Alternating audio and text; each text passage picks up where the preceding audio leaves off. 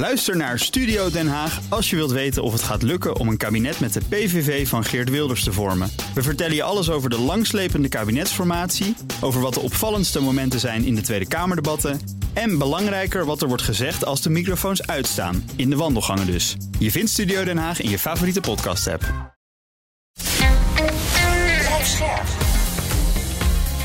BNR Nieuwsradio. Napleiten. Wouter Laumans en Christian Vlokstra. Dat was hier gewoon niet zo. En ook daar denk ik dat we ons allemaal wel een voorstelling bij kunnen maken. Dat ja, in die laatste situatie, als je dus gewoon eigenlijk heel plat een vrouw neukt. En helemaal niet met haar bezig bent. En je komt klaar je, en ja, je valt weer in slaap. Ja, wat heb je dan eigenlijk gedaan?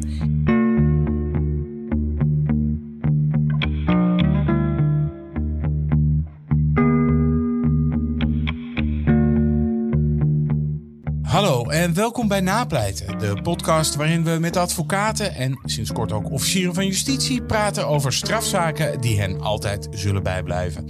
Mijn naam is Wouter Laumans en naast me zit mijn sidekick, strafpleiter Christian Vlokstra. Welkom Chris. Dankjewel Wouter. Even de huisregels. In deze podcast praten we over definitief afgedane zaken. En vanwege de zuiverheid, de journalistieke zuiverheid, behandelen we ook geen zaken waar jij als advocaat enige betrokkenheid bij hebt. Ja, zo is het. Een vraagje, Chris. Uh, wat vind jij van het fenomeen mediation in het strafrecht? Ja, dat is een, uh, iets wat natuurlijk de laatste jaren uh, erg in opkomst is. Uh, maar ik moet het een beetje van een afstandje bekijken. Omdat in de zaken die ik uh, vaak doe, uh, nou, is mediation niet aan de orde. maar waarom is, niet?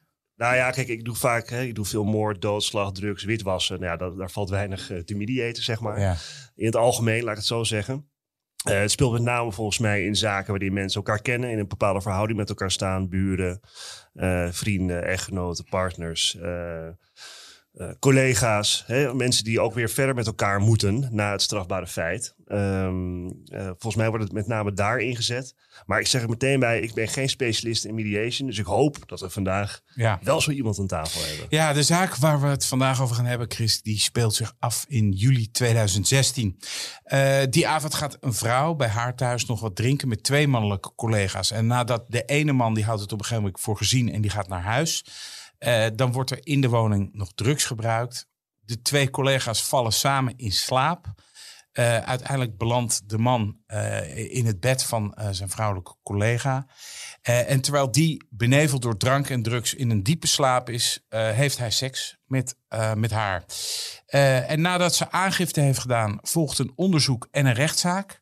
Daarin wordt de man in 2018 veroordeeld tot een gevangenisstraf van 12 maanden. Hij gaat in hoger beroep tegen dat vonnis en hij neemt een nieuwe advocaat. En dat is onze gast al vandaag, Wikke Monster. Welkom. Goedemiddag. ja. Jij bent... Jij bent uh, nadenken. Ja. Het? ja, het is na vijf, nog net. Uh, jij bent meer dan twintig jaar advocaat. En sinds 2014 heb je je eigen kantoor in Amsterdam. En jullie richten je op uh, mediation in het strafrecht. En Chris zei net al, ja, dat is eigenlijk, dat zie je tegenwoordig steeds vaker. Leg uit, mediation in het strafrecht. Uh, ja, dat, uh, vroeger was dat sowieso uh, vloeken in de kerk. En ik denk dat er nog steeds best wel veel strafrechtadvocaten zijn. Nou, zoals Christian, die zeggen, nou, hebben we eigenlijk niet zoveel mee te maken. Um, ik wil wel direct een disclaimer erin gooien. Namelijk, we doen eigenlijk als strafrechtmediators niet eens zo heel veel. Uh, dus wij zijn ons eigen kantoor begonnen vanuit de overtuiging dat het anders zou moeten kunnen in het recht. Dus we zijn allebei bij klassieke strafrechtkantoren opgevoed, zou ik maar zeggen. Uh, uh, wie zijn wij? Oh ja, goed. Sorry Klaartje. Dus, nou, ga, lekker begin zo. Nee. Um, dat is Klaartje Vreken, mijn compagnon en ik. En we zijn dus met z'n tweeën. En we zijn begonnen in 2014 met de gedachte dat ja, als je standaard met een gestrekt been erin gaat, uh, zwijgen is in principe, je moet het OM wel fouten laten maken. Dus heel erg vanuit dat conflictmodel elke strafzaak ingaat. Wie bewijs je daar dan eigenlijk een dienst mee? En die vraag die begon zich bij ons steeds meer op te dringen van, kan het nou niet slimmer, effectiever, uh, menselijker ook? En ook duurzamer. Dus dat er iets uitkomt wat niet alleen zo'n domme eendimensionale straf is. Waar, ja, oké, dat heeft dan met vergelding en... Geschokte Uh, recht. geschokte re- hè, dus ik wil niet ieder straf eh, nut eh, van tafel vegen. Maar het ligt een stuk genuanceerder. Dachten wij en denken wij nog steeds. En in die periode was mediation in het strafrecht ook in opkomst. Dus daar zijn wij vol ingedoken. Maar inmiddels zijn we toch zeven jaar verder. En ben ik zeker niet meer zo'n eh, believer als ik toen was. Wat niet wegneemt dat ik het nog steeds een hele zinnige aanvulling vind op, eh, op het ja, strafrecht, op het, op het systeem. Maar waar komt dat dan door? Ja, die wou ik ook Ja. niet vragen. Ja. Wat, Ja. heb je van je geloof kletteren? Nou, ehm, ja, het is bijna een beetje te banaal voor woorden, maar eh, de vergoeding van een mediation in een strafzaak. Ik bedoel, wij klagen als strafrechtadvocaten dat we het zo zwaar hebben. Maar als strafrechtmediator is het helemaal drie keer niks. Dus in principe zit je met z'n tweeën op een zaak, Ja. wat heel goed is om het ja, zo, zo zorgvuldig mogelijk te behandelen. Maar ja, je krijgt er echt een paar honderd piek voor. Ehm, dus wat betekent dat voor de praktijk? Dat vaak eh, er is een half uur, max een uur voor een intake met een verdachte en het slachtoffer. En dan heb je ja, een uur voor een gezamenlijk gesprek. En in principe ligt de conceptovereenkomst dan al klaar. Ja, wilt u tekenen bij het kruisje? Want we willen wel een eindproduct. Ja. En nou doe ik al, hè, mijn collega-mediators die dit horen, die gaan nu heel boos op mij worden. Want ze zeggen, nou Wikke, dat is echt heel ongenuanceerd als je dat zo Ja, zegt. maar daar is deze podcast ook wel een beetje voor hoor. Dankjewel, dankjewel. Nee, dus zoals niks is ook dit niet zo zwart-wit. Maar het betekent dat het voor de eenvoudige zaken prima is. Voor de meer complexe zaken is het eigenlijk niet te doen. Nee. En aansluitend op wat eh, Christian net aan het begin zei. Het is zeker niet zo dat alleen maar in simpele zaken mediation eh, zinnig is. Dus ik heb een hele heftige vuurwerkzaak waarbij het is ingezet. En ook een doodslagzaak waarbij het is ingezet. Dus het, het kan wel degelijk, alleen je hebt daar veel meer tijd voor nodig om dat echt goed te begeleiden. Ja. Wij vragen onze gasten altijd om een zaak te kiezen. Eh, jij hebt deze gekozen. Waarom Ja. heb je deze zaak gekozen? Ehm, ja, hij schoot mij als eerste te binnen. Ehm, en dat is niet helemaal toevallig, omdat het eh, wel ook echt een MeToo-zaak is. En daar ben ik de, ja, daar is mijn praktijk door de jaren heen steeds meer mee gevuld geraakt. En ik heb ook wel echt een eh, fascinatie voor dat onderwerp. En zeker ook in het strafrecht. Er dan met name verdachten bij of slachtoffers bij? Eh, Of allebei eigenlijk? eh, meer verdachten dan slachtoffers. Ja. ja. En vanwaar die fascinatie voor MeToo? Want het is nu, en, eh, ja, het is zo, zo in de mode. Ja, dat zeg ik misschien heel denigrerend, maar Nou, het is hooguit zo dat er steeds meer van dit soort zaken zijn. En ehm, het is iets wat eh, iedereen kan overkomen. En daarom heb ik deze zaak ook uitgekozen. Als ik deze zaak vertel eh, aan mijn vrienden, en zeker ook mijn mannelijke vrienden, maar ook mijn vriendinnen. ehm, ja, die schrikken zich helemaal kapot. Eh, vooral dus de mannen, van wat er kan gebeuren. Ehm, ja, dus daar het, eigenlijk het, ja, je kan er zo over struikelen. Nou, dat is één. Zo'n strafprocedure die je dan eh, over je heen krijgt, is heel ingrijpend. En eh, mijn cliënt die dus in deze zaak rol speelt, die sprak ik vandaag nog. En die heeft er gewoon nog steeds last van. Hij kreeg vorige week nog weer te horen dat hij geen verzekering mag afsluiten. En dan heb ik het nog niet eens over dat vermalendijde strafblad, eh, waar je nooit meer van afkomt. Nooit meer. Nee, zeden bij een zeden, zedendelict natuurlijk niet. Hè? En nee, want zedendelicten Nee, staan voor, oh, gaan nooit meer weg. die gaan nooit meer weg. Nee. Nou ja, goed, kijk, op zich gaat er sowieso nooit iets van je justitiële documentatie weg. Alleen bij het verkrijgen van een verklaring omtrent gedrag, ja, dan gaan hè, met een zedelict erop, ja, dat, dan gaan die terugkijktermijnen, die, die zijn eigenlijk eindeloos. Dus Ja. het blijft altijd een Ja. belemmering als je een, een VOG Ja. wil. Een eeuwige smet. Ja.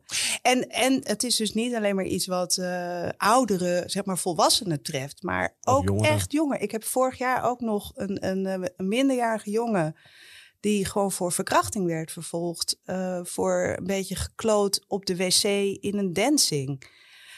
Ja, nou ja, dus ik als, als advocaat vind ik het, zijn het interessante zaken ook. Om, niet alleen om wat ik net zeg, maar ook omdat ja, zeg maar wat Klaartje en ik dan onze manier van werken noemen, zich uh, bij uitstek leent ook voor dit soort zaken. Maar ik proef ook een beetje, als ik toch even mag inbreken, um, omdat je net zegt, hè, uh, er werd iemand vervolgd voor verkrachting, wees wat gekloot in de wc. Nou ja, goed, we weten, je kan al heel snel je schuldig maken aan een verkrachting.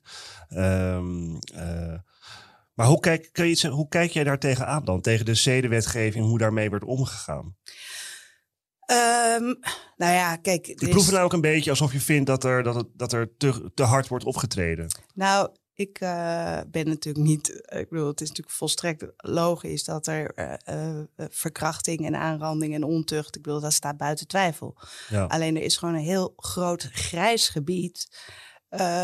waarin het strafrecht wordt ingezet, ja. waar ik grote bezwaren tegen heb. Omdat in plaats van dat je uh, met elkaar, ja, dan kom ik toch weer op de mediation. Niet zozeer in mijn rol als mediator, maar meer uh, ook als advocaat. In plaats van dat je met elkaar gaat kijken van wat is er nou gebeurd.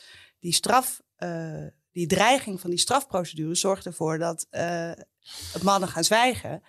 En um, ja, je dus niet het gesprek krijgt wat je eigenlijk moet hebben. En dat is wat ik wil zeggen, is dat er gewoon een hele in mijn optiek enorme dubbele moraal is als het gaat om seks en seksualiteit. Dus als je naar buiten kijkt, dan struikel je over de billboards met uh, stoere mannen en sexy vrouwen. En ja, seks verkoopt gewoon. Ja. Uh, als ik zie wat mijn kinderen op YouTube allemaal eh, kijken en wat er aan voorbij komt. En dat is dan nog alleen een beschaafde site? Ja, en tegelijkertijd zijn we ook heel preuts. Ja. Dus tegelijkertijd bloot. Ik bedoel, toen ik uh, puber was, was het normaal om topless op het strand te liggen. En nu kan dat niet. Nee, maar dat dus- zal ook om de, omdat iedereen heeft tegenwoordig gewoon een camera in zijn zak met zo'n telefoon. En dat gaat natuurlijk fladdert als jij topless... De anonimiteit is natuurlijk ook voor Ja, maar dat niet, niet meer topless zonne is langer dan de iPhone, uh, dan de smartphone. Dat is echt al langer gaande. Dus er zit een hele ingewikkelde. Ja. Uh, nou, en dan heb je het ook over man-vrouw verhoudingen. Je hebt het over machtsverschillen. Dus het is heel complex. En dan is het de, zeg maar de, de korte klap van het strafrecht is, slaat alles dood. In deze zaak was er nou ook een, een klap geweest. Uh, jouw cliënt had, was veroordeeld tot 12 maanden. Nou, ik vroeg me af, hè, want het zijn twee mensen geweest in een slaapkamer. Um, zij heeft gezegd van, uh, ik ben door de drank als een blok in slaap gevallen. Ik werd wakker op het moment dat hij al seks met me had.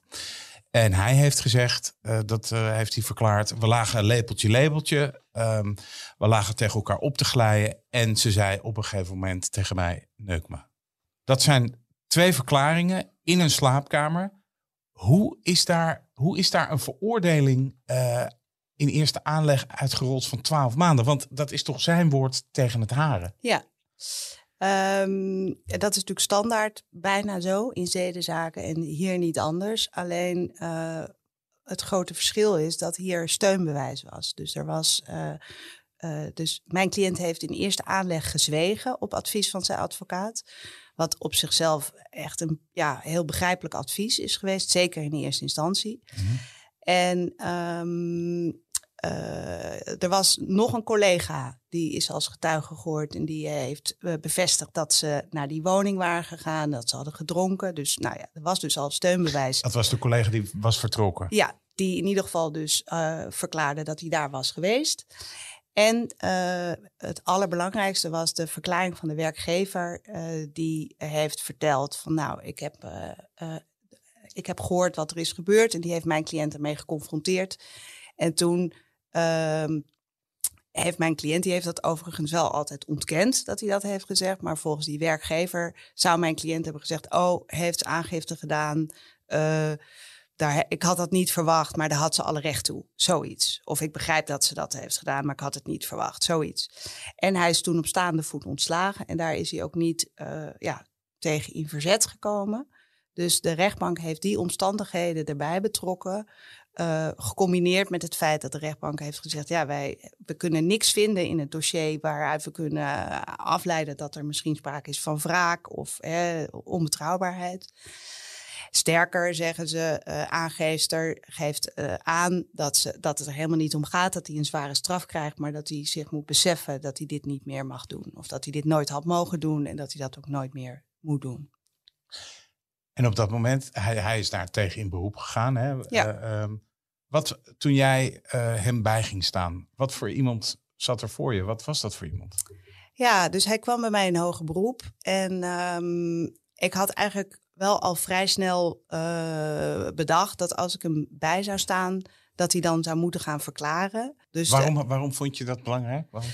Ja, omdat hij kwam bij mij en zei: Het maakt me niet uit wat je doet of hoe je het doet, maar eh, ik moet van die gevangenisstraf af. Want hij, het was een, hij had een blanco strafblad, had gewoon een carrière in het verschiet. En En een had, jaar. er, en had er nog niks van gezeten waarschijnlijk. Hij had nog niks van gezeten, Nee. precies. Dus eh, die dreiging van die twaalf maanden, dat hing als een molensteen om zijn nek. En ehm, dus, nou, toen ben ik met hem gaan praten. Zoals je dat dan doet bij een eerste gesprek. En toen was het wel voor mij direct duidelijk dat het een ontzettend arrogante kwast was. Oh ja? Sorry, cliënt. nee, dat, hij, we maakten Hij weet- daar... hij weet er zo het. Sterker, Ja. sterker. Hij heeft aan het eind van de rit heeft hij tegen mij gezegd van... nou, er is niemand die mij zo vaak eh, arrogante kwast heeft genoemd... als mijn eigen advocaat. En waar merk je, hoe merkte je dat dan? Ja, het gewoon, en dat vind ik, dat zie je dus vaak in dat soort zaken. Eh, ja, zo'n typisch mannetje. Dus die eh, gewoon een beetje de bink speelt, een beetje de charmeur. Eh, overal, als het even kan, een grap van maken. Zichzelf ook op de hak nemen. Ehm, ja, een beetje blaterig. Ja. En, maar aan, tegelijkertijd eh, zat hij diep in de problemen. Ja, maar dat hele, eh, zeg maar, de diepe angst die daarachter schuil ging, die liet hij mij niet zien in het begin. Dat, was, dat is iets wat gaandeweg ontstond. Wat had hij jou verteld over de bewuste avond?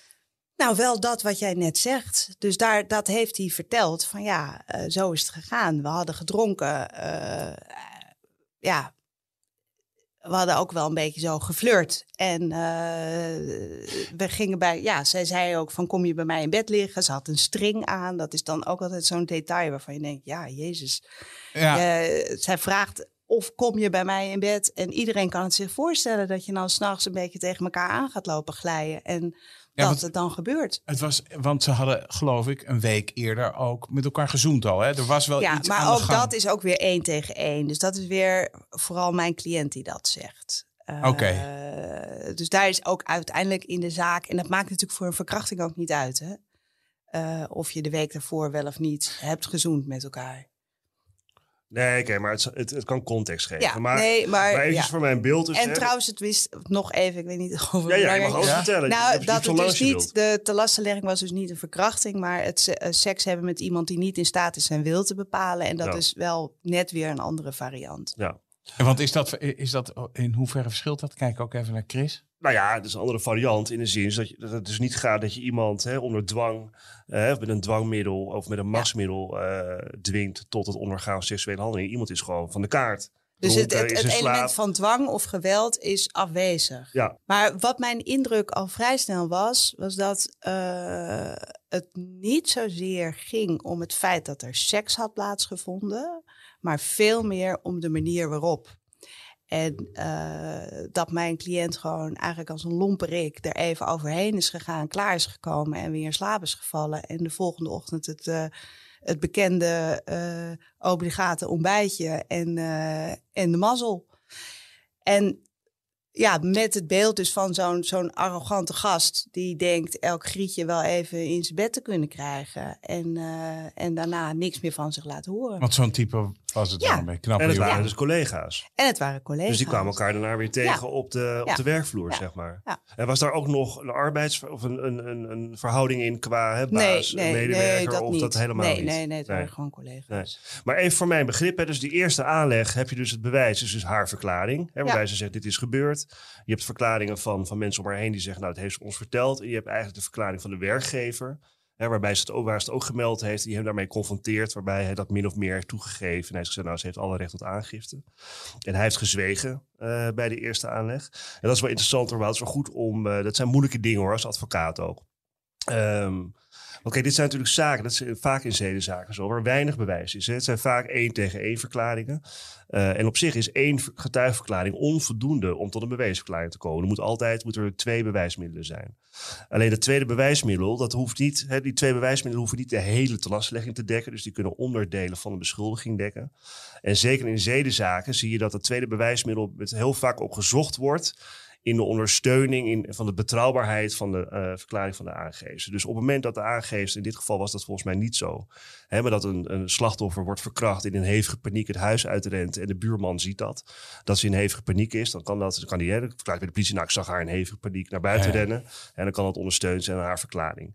Kijk, wat hier denk ik met name lelijk is voor de verdachte, is uh, de werkgever. Ja. Hè, die, die, die, hè, die, die geïnformeerd is door het slachtoffer, hem daarmee confronteert en hij daar niet ontkennend op reageert. Zegt, wat is dit voor onzin? Nee, hij, ja. hij erkent het impliciet en legt zich ook neer bij ontslag. Ja, ja dat, dat draagt natuurlijk heel erg bij aan haar betrouwbaarheid. En is op zichzelf ook al een bewijsmiddel van hè, zijn erkenning daarvan. Ook, ook wel goed werkgeverschap, dat je zegt van joh, dit kan niet bij mij op de nee, werkvloer ontstaan, jij moet weg. Absoluut. Kijk, en dan is natuurlijk de vraag, welk advies geef je aan je cliënt? Hè, als advocaat.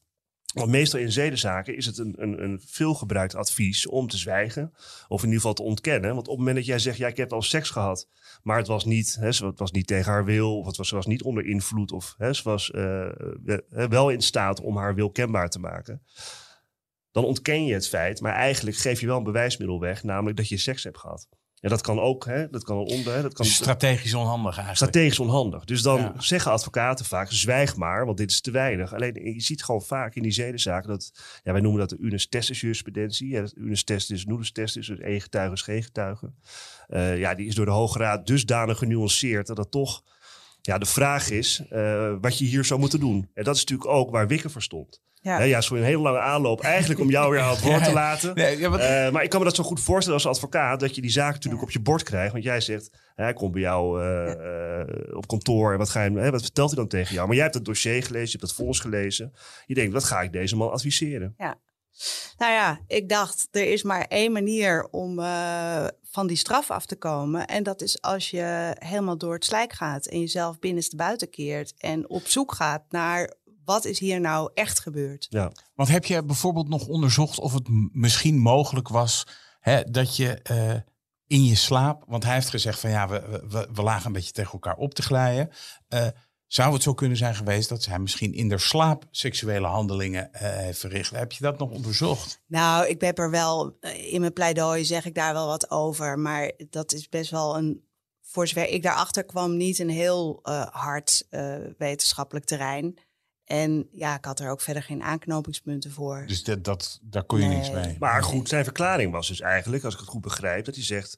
Uh, zij wilde wel degelijk. Ze ja. was wel bij bewustzijn. Ja. Sterker nog, ze zei tegen mij: neuk me. En toen ja. heb ik haar geneukt. Ja. Toch? Dat heeft hij gezegd. En um, uh, ja, dat was natuurlijk heel lastig. Want daarmee ontken je in feite dat je iets hebt gedaan wat de ander niet wilde. Ja. Uh, dus ik heb daar echt wel mijn hoofd over gebroken. Um, en waar ik zelf op uit ben gekomen in gesprekken met hem, is dat hij uh, op een gegeven moment durfde te vertellen aan mij dat hij zelf heel laat was met zijn seksuele ontwikkeling. Dat hij toen, um, ja, toen dat eenmaal dan toch uh, ging gebeuren, daar een enorme uh, boost van kreeg. Uh, en ja, daardoor zichzelf eigenlijk is gaan overschreeuwen. Dus daar zo, uh, ja, zich zo goed bij voelde, dat hij echt zo'n ja, zo'n mannetje, zo'n werd. mannetje werd. Een player. Ja, en um, dat verhaal is nog een soort van één lijn. Dat je denkt, ja, oké, okay, het zal wel. Maar het kreeg steeds meer context, doordat hij ook in de gesprekken die ik met hem had, ging vertellen van ja, voor hem was het ook niet helemaal duidelijk. Laat, laat, laat, ik dat nog even vooropstellen. Dus voor hem was het ook een zoektocht van wat is hier nou gebeurd? Heb ik nou echt iets strafbaars gedaan of niet? Want hij begreep dat zelf eigenlijk ook niet helemaal. Ja, want als je, je kan natuurlijk beargumenteren, joh, je hebt je excuses aangeboden ja. hè, bij de werkgever. Maar waarvoor dan als je vindt ja. dat je niks verkeerd ja, hebt gedaan? Precies. Dat is natuurlijk Dus continu... dat is een vraag die er heel dik bovenop lag. En waar ik ook niet direct een antwoord op had. Maar ik had wel heel sterk uh, het, de, intuïtie, zeg maar, dat het te maken had met zijn arrogantie. En dat hij haar gewoon als, als man heel slecht had behandeld. Ook naderhand? Naderhand, maar ook tijdens de seks. Ik bedoel, je kunt seks hebben waarbij je elkaar lief koost, waarbij je gewoon voelt dat je ja, aandacht voor elkaar hebt en dat je ook met de ander bezig bent. En dat was hier gewoon niet zo. En ook daar denk ik dat we ons allemaal wel een voorstelling bij kunnen maken dat ja, in die laatste situatie, ehm, als je dus gewoon eigenlijk heel plat een vrouw neukt en helemaal niet met haar bezig bent en je komt klaar en ja, je valt weer in slaap. Ja, wat heb je dan eigenlijk gedaan? Kijk, als je jarenlang een relatie hebt, of jarenlang, maar als je een relatie hebt, ja, dan is het alweer een ander verhaal. Maar als je geen relatie met elkaar hebt en je gaat dronken en, en stoned op zo'n manier in bed liggen, dan neem je op zijn minst een levensgroot risico dat zoiets kan gebeuren. En um, dan is neuk me ja. Maar aan de andere kant. Hè, dat was natuurlijk niet het verhaal van, deze, van dit slachtoffer. Laten we even wel zijn, toch? Want die, dat, dat meisje, ook die vrouw, ik weet eigenlijk niet hoe oud ze is. Die zegt: Ja, ik was gewoon in slaap gevallen. En ik wist helemaal niet eens dat hij me zou gaan neuken. Nee. Nee, dus zij zegt, ik werd wakker, hij zat in me. Ja. En mijn cliënt zegt, uh, we zijn tegen elkaar aan gaan glijden. En ze heeft op een gegeven moment gezegd, neuk me. En toen ben, heb ik er geneukt. Ja. Nou, ik heb in mijn pleidooi het uiteindelijk zo opgelost door te zeggen, uh, het kan ook allebei waar zijn. Dus het kan zijn dat zij, en dat is ook een beetje wat jij zegt, Wouter, van ja, kan het zijn dat ze in haar slaap toch bepaalde bewegingen of geluiden heeft gemaakt. Nou, dat zou natuurlijk ook heel goed kunnen, dat zij dat wel heeft gedaan, uh, maar zich daar niet bewust van is geweest. Hm. En, nou ja, de invloed van drank en drugs heb je hier ook nog. Precies. Telt en, dat eigenlijk in zo'n zaak? Wordt Nou ja, dat meegewogen? Ja, tuurlijk. Maar niet in het voordeel van cliënt. Dat is natuurlijk het risico Ja, wat ja. hij neemt. En, en ook daarom is het eh, gewoon ook voor, voor zoveel mensen een hele a- angstige K. Hoe dat? Angstaanjagend is een beetje zwaar gezet. Maar, maar eh, ja, iedereen komt wel een keer in zo'n situatie terecht. Oké, maar wat had hij dan moeten doen? Hij had, ik denk als hij, als het vanuit liefde was geweest, eh, dan denk ik dat de zaak al heel anders erbij had gelegen. Maar goed, dit is natuurlijk allemaal eh, napleiten. Ik bedoel, Ja, ik was zeker. er niet bij, dus dit is invullen. Maar als je teruggaat naar wat mijn opdracht was, van ja, die gevangenisstraf moet eraf, was mijn insteek, dat is maar één manier waarop dat gaat lukken. Natuurlijk, als je een vrijspraak krijgt, maar dat was, ja, no risk, no glory. Maar dat zag ik, Niet zitten. dat, nou ja, dat leek Niet mij een te groot risico. Ja. Ehm, en ik dacht, het enige alternatief is dat ik aan de rechtbank of aan het hof laat zien wie mijn cliënt is en hoe dit heeft kunnen gebeuren. En ook dat is niet iets wat je zomaar voor elkaar krijgt. Want, en daar hebben we het ook wel toen we dit voorbespraken, van ja, wat is spijt en wat is berouw? Ja. En als je dus zegt, ja, zij wilden het, ja, waar zeg je dan sorry voor? Ja. Dus dat is echt een, een ehm, Ja, want voordat we daar nog komen bij spijt en berouw, ik zat me nog even af te vragen, heb jij dan nog, hè, want hij vertelt jou dit verhaal. ja, Kijk, want zij vertelt toch eigenlijk een diametraal ander verhaal, zou je kunnen zeggen. Mm. Zij vertelt gewoon een strafbaar feit. Ik was in slaap gevallen, ik word eh, door hem gepenetreerd. Hij vertelt eigenlijk geen strafbaar feit, namelijk ze was gewoon wakker, of althans, ze was nog in ieder geval bij kennis, zij neuk me, toen heb ik dat gedaan. Ehm, hij komt met dit verhaal. Kijk, jij wil die gevangenisstraf voor hem voorkomen. Heb je nog bij jezelf gedacht van, ja, maar jongen, als je, als je een milde straf wil, dan moet je me eigenlijk misschien gewoon wel bekennen. Heb je daar met hem over gesproken? eh, zeker. Ehm, maar dit was zijn verhaal. ja. Dus ja, en dat is wel eh, mijn, Nee, dat is mijn kompas. Nee, maar dus ik kan me voorstellen dat het voor je strategie ja, lastiger is. ja. Nee, dus het was echt lastig. Dus het was elke keer een stap naar voren. En eh, dus hij, het was al vrij snel duidelijk van... nou, we gaan de raadsheer commissaris vragen om jou eh, te horen in je eigen zaak. Nou, dat is gebeurd. En hij moest van mij eh, brieven schrijven, gewoon voor zichzelf... om uit te leggen wat er was gebeurd. Ook aan het slachtoffer? ook aan het slachtoffer. En stond zij daar open voor? Nee, we hebben Oh. ook een mediation verzoek gedaan. Natuurlijk, ja, of natuurlijk, maar lag wel vrij voor de hand dat dat zou worden afgewezen, maar toch geprobeerd. Ehm, ja, en elke keer ehm, kwamen we een stapje verder dat hij ook steeds beter begreep hoe eh, horkerig en, en lomp hij zich had gedragen. En kan je zeggen, ja, horkerig en lomp, dat, is niet, dat, dat hoort niet thuis in het strafrecht. Maar als het samengaat met seks e- en alcohol en drugs, ja, dan wordt het. Dus hij kreeg daar zelf steeds beter een beeld van ja, hoe slecht hij zich eigenlijk had gedragen. Maar dat was nog helemaal niet makkelijk voor hem. Dus eigenlijk pas helemaal aan het zo'n paar weken voor de zitting begonnen de stukjes voor hem ook op zijn plek te vallen. Ja. Uh, waarbij hij dus ook vertelde over dat hij vroeger eigenlijk altijd een wijs goede band met zijn broer had gehad. En dat hij sinds hij zeg maar dat mannetje was geworden, uh, zijn broer hem eigenlijk ook heeft op een gegeven moment ook tegen hem gezegd: Weet je, ik vind je eigenlijk helemaal niet zo leuk meer. En dat hij ja, zich daar ook daar zich over schreeuwde. Dus voor hem werd die hele strafzaak een... Uh... soort life changer. ja. Uh, qua, ja. Maar hoe toon je dat aan dan vervolgens op zitting? Ja, dat is ook weer niet zo makkelijk. ja, dat doe je op verschillende manieren. Dus ik heb wel direct aan het begin gezegd van... ik wil dat je ook met een psycholoog gaat praten. Uh, kan me niet schelen of je wel of niet iets hebt.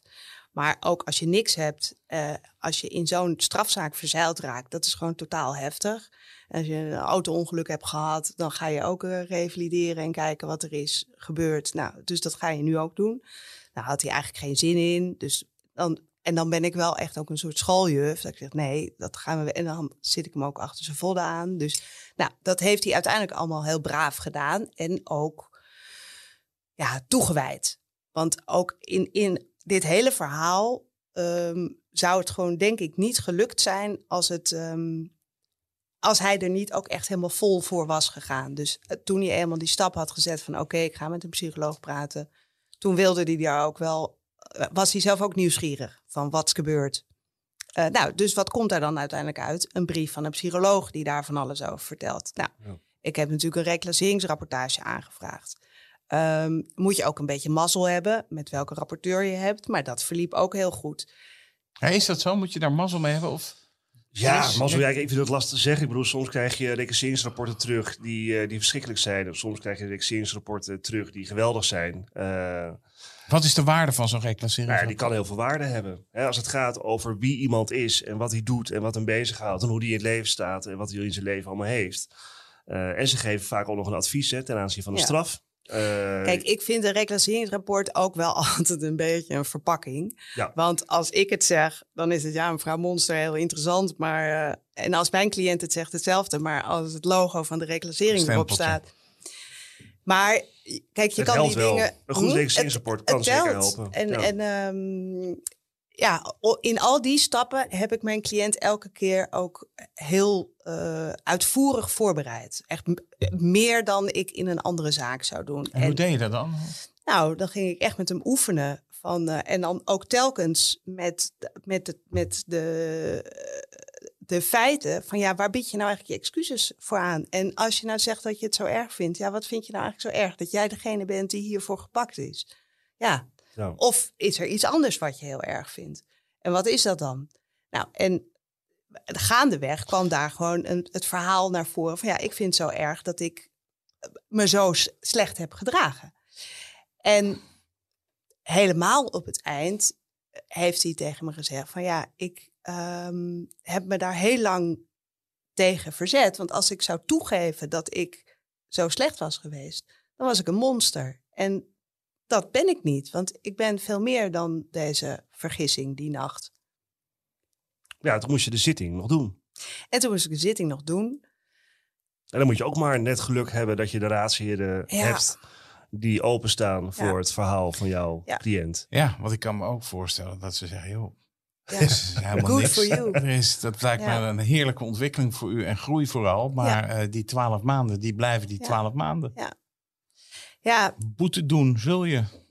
ja, nou ja, ik kan natuurlijk niet zeggen waardoor het precies is gekomen. Maar hoe ging de Ehm, zitting? Ja, die ging. eh, eh, cliënt was heel zenuwachtig.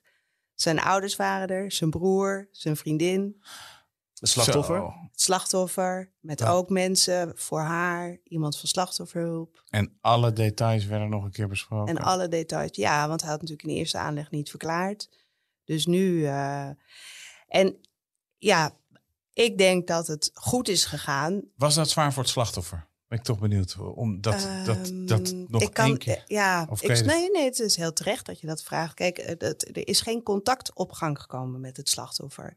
Dus eh, het, het enige wat ik eh, heb gezien op de zitting, en ik denk dat dat ehm, wel het verschil heeft gemaakt, is doordat ik dat zo uitgebreid met mijn cliënt heb voorbereid. En vooral mijn cliënt, eh, om dan maar in de beeldspraak te blijven, de ballen heeft gehad om zichzelf helemaal binnenste buiten te keren.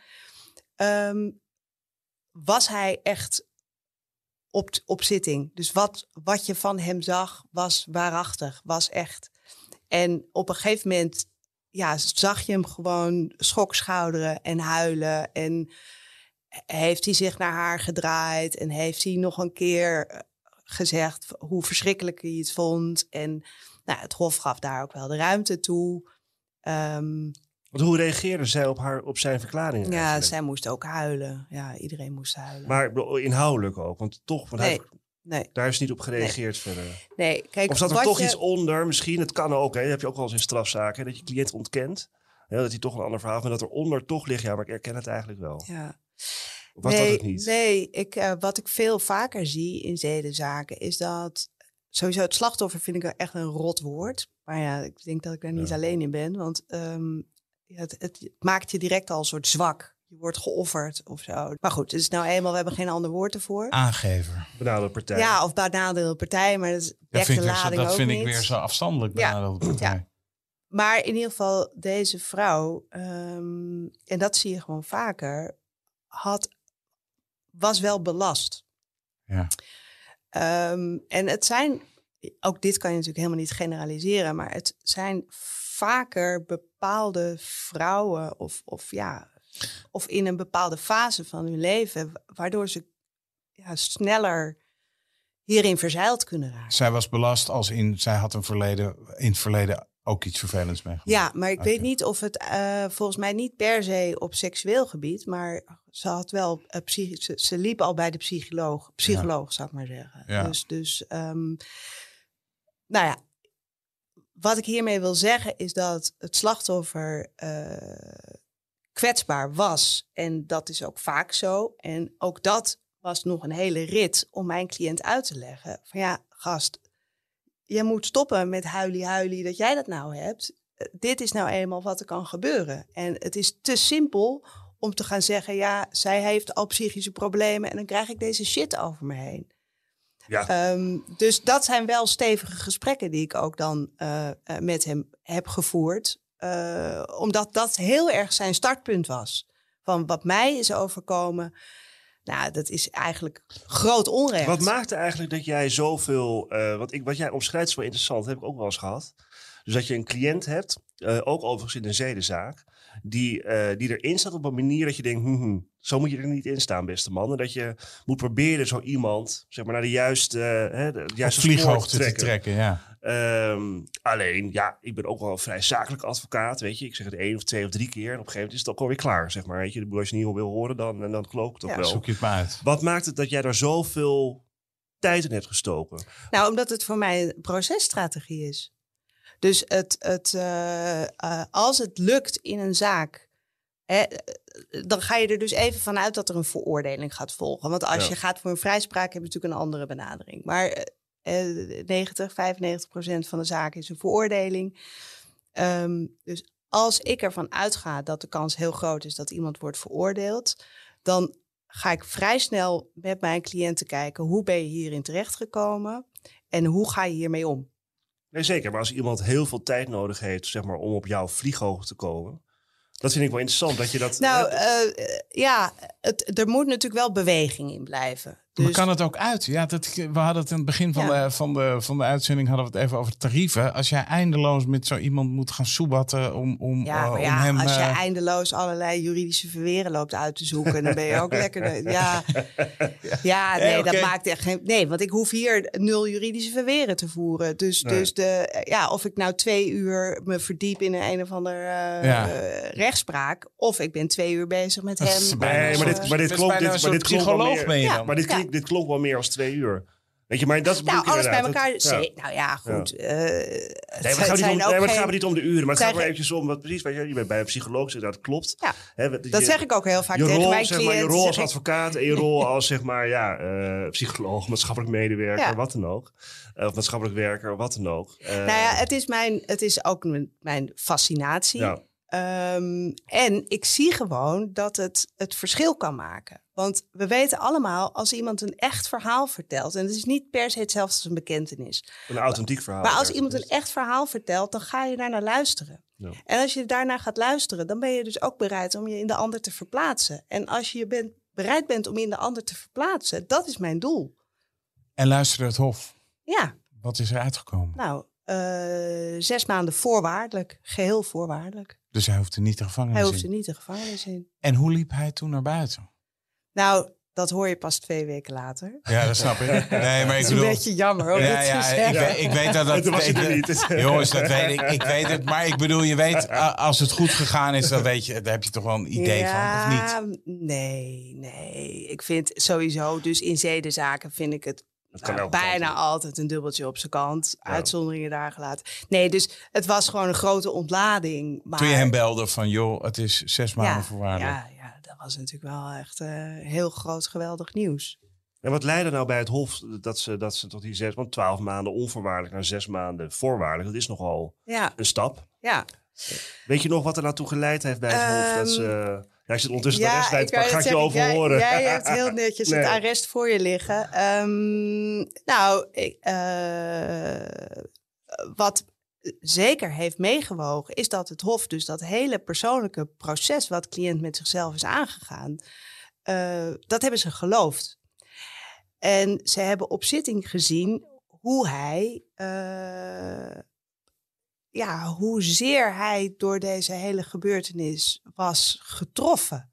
En dus niet zozeer alleen maar van, oh, ik heb het zo zwaar, maar je, ze- je kon echt zien hoe hij daar vroeging van had. De menselijke maat. Ja, ja. En kijk dan, en daar heb ik in mijn pleidooi dan ook nog wel wat, eh, eh, hoe dat? Wat alinea's aangeweid. Van als iemand zo, eh, ja, een, eh, zo een strafzaak eigenlijk aangrijpt om iets goed te maken voor zover dat kan. En om alles te doen om te voorkomen dat het nog een keer gaat gebeuren welk redelijk strafdoel dien je dan nog om iemand eh, nog naar de gevangenis te sturen? Ja, het tijdsverloop was ook wel fors, hè? En er wat, precies, er was ook een fors tijdsverloop. Ja. Ehm, dus dat zijn wel factoren die een rol hebben gespeeld. Hoe kijk jij nou terug op, eh, op deze zaak? Ehm, ja, ik vind het wel. ehm, ja, hoe kijk ik terug op deze zaak? Ik ben natuurlijk onwijs blij dat het is gelukt, om het maar even heel huiselijk te zeggen. Ehm, en jullie vragen van ja, het had natuurlijk ook anders kunnen aflopen. Dat is ook gewoon ook echt zo. Eh, tegelijkertijd, doordat mijn cliënt vol ehm, eh, ja, het is aangegaan. eh, klinkt allemaal natuurlijk heel soft, maar is hij er zelf sowieso sterker uitgekomen. En dat is ook wat hij uiteindelijk eh, weer aan mij heeft verteld. Van ja, op deze manier, in plaats van dat je eigenlijk maanden, zo niet jarenlang, boven de af- afgrond bungelt. En ehm, ja, eigenlijk alleen maar leeft met die dreiging van de strafzaak. Dat, dat was natuurlijk wel zo. Maar hier kwam iets heel anders bij. Ja, waardoor hij toch voor, naar zijn zeggen als een beter mens eruit is gekomen. En nou ja, zeg maar, toch de dingen die er uiteindelijk het meeste toe doen. eh, je, je relatie, je familie, je ouders. Het feit dat, dat die er allemaal waren op de zitting. En, en dat hij ook een liefdevolle nieuwe relatie eh, is aangegaan. Ja, het is gewoon een veel leuker mens geworden. We begonnen deze uitzending natuurlijk eh, over MeToo. Ehm, in het licht van deze zaak, hoe kijk jij daar nu naar? Naar die hele MeToo-beweging heet het inmiddels. Ehm, ja, ik heb daar wel een, eh, een mening over. Ehm, en dat is dat het, wat mij betreft, te simpel is om alles op het konto van de man te schuiven en het vrouw als, eh, als slachtoffer weg te zetten. Ehm, ik denk dat uh, seks en seksualiteit, um, ja, wat ik aan het begin al zei, met de dubbele moraal waar we in leven. En, en dat er aan de ene kant niks is te gek en, en alles moet kunnen. En tegelijkertijd, als het aankomt op daadwerkelijk seks hebben, uh, kunnen we opeens heel preut zijn. En als ik dan uh, het ga hebben over de rol van vrouwen daarin, um, is het zo dat vrouwen nog steeds, ook in 2022, het vaak heel lastig vinden om een grens te trekken en om te zeggen: nee, ik wil dit eigenlijk niet.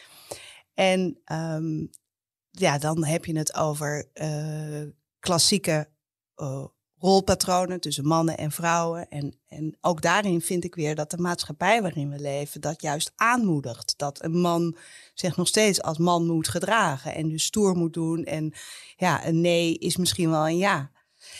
En ik vind het dus te simpel om te gaan zeggen: mannen, jullie moeten nu uh, ja, weten wat ik wel of niet wil. Uh, jullie moeten die grens aanvoelen. Jullie moeten dat controleren. En als jullie dat niet goed in de gaten hebben, dan zijn jullie de klos. Ik denk dat het minstens zo belangrijk is dat vrouwen uh, op dit punt uh, zich verder ontwikkelen. En steeds meer durven te zeggen wat ze wel en niet willen. En dat ook bij zichzelf gaan onderzoeken wat ze wel en niet willen. Want ook dat is iets wat. Um, nou, geldt ook voor mannen, maar daar zou je ook nog een heel verhaal over kunnen houden. En die gelaagdheid in die hele discussie, die mis ik. De, ja, de echte extreme voorbeelden van MeToo-zaken waarin het uit de hand is gelopen, daar is geen discussie over. Natuurlijk is dat foute bingo. Uh, maar nou, een zaak als deze die we net hebben besproken, uh, maar zo heb ik nog meer zaken die zich echt in een heel grijs gebied afspelen. En, en als je daar dan het strafrecht op los gaat laten, uh, bedoel, je bent echt outcast. Ontzettend bedankt voor dit mooie verhaal. Nou, heel graag gedaan. Dit was Napleiten. De uitspraak in deze zaak kunt u nalezen op rechtspraak.nl. Mijn naam is Wouter Laumans en naast me zit co-host advocaat Christian Vlokstra. Deze podcast is te beluisteren op Apple Podcasts en Spotify. Vergeet u vooral niet te abonneren, dan bent u op de hoogte als er een nieuwe aflevering online staat. En verder zijn we natuurlijk te volgen op Twitter en Instagram. Dank voor het luisteren en graag tot de volgende keer.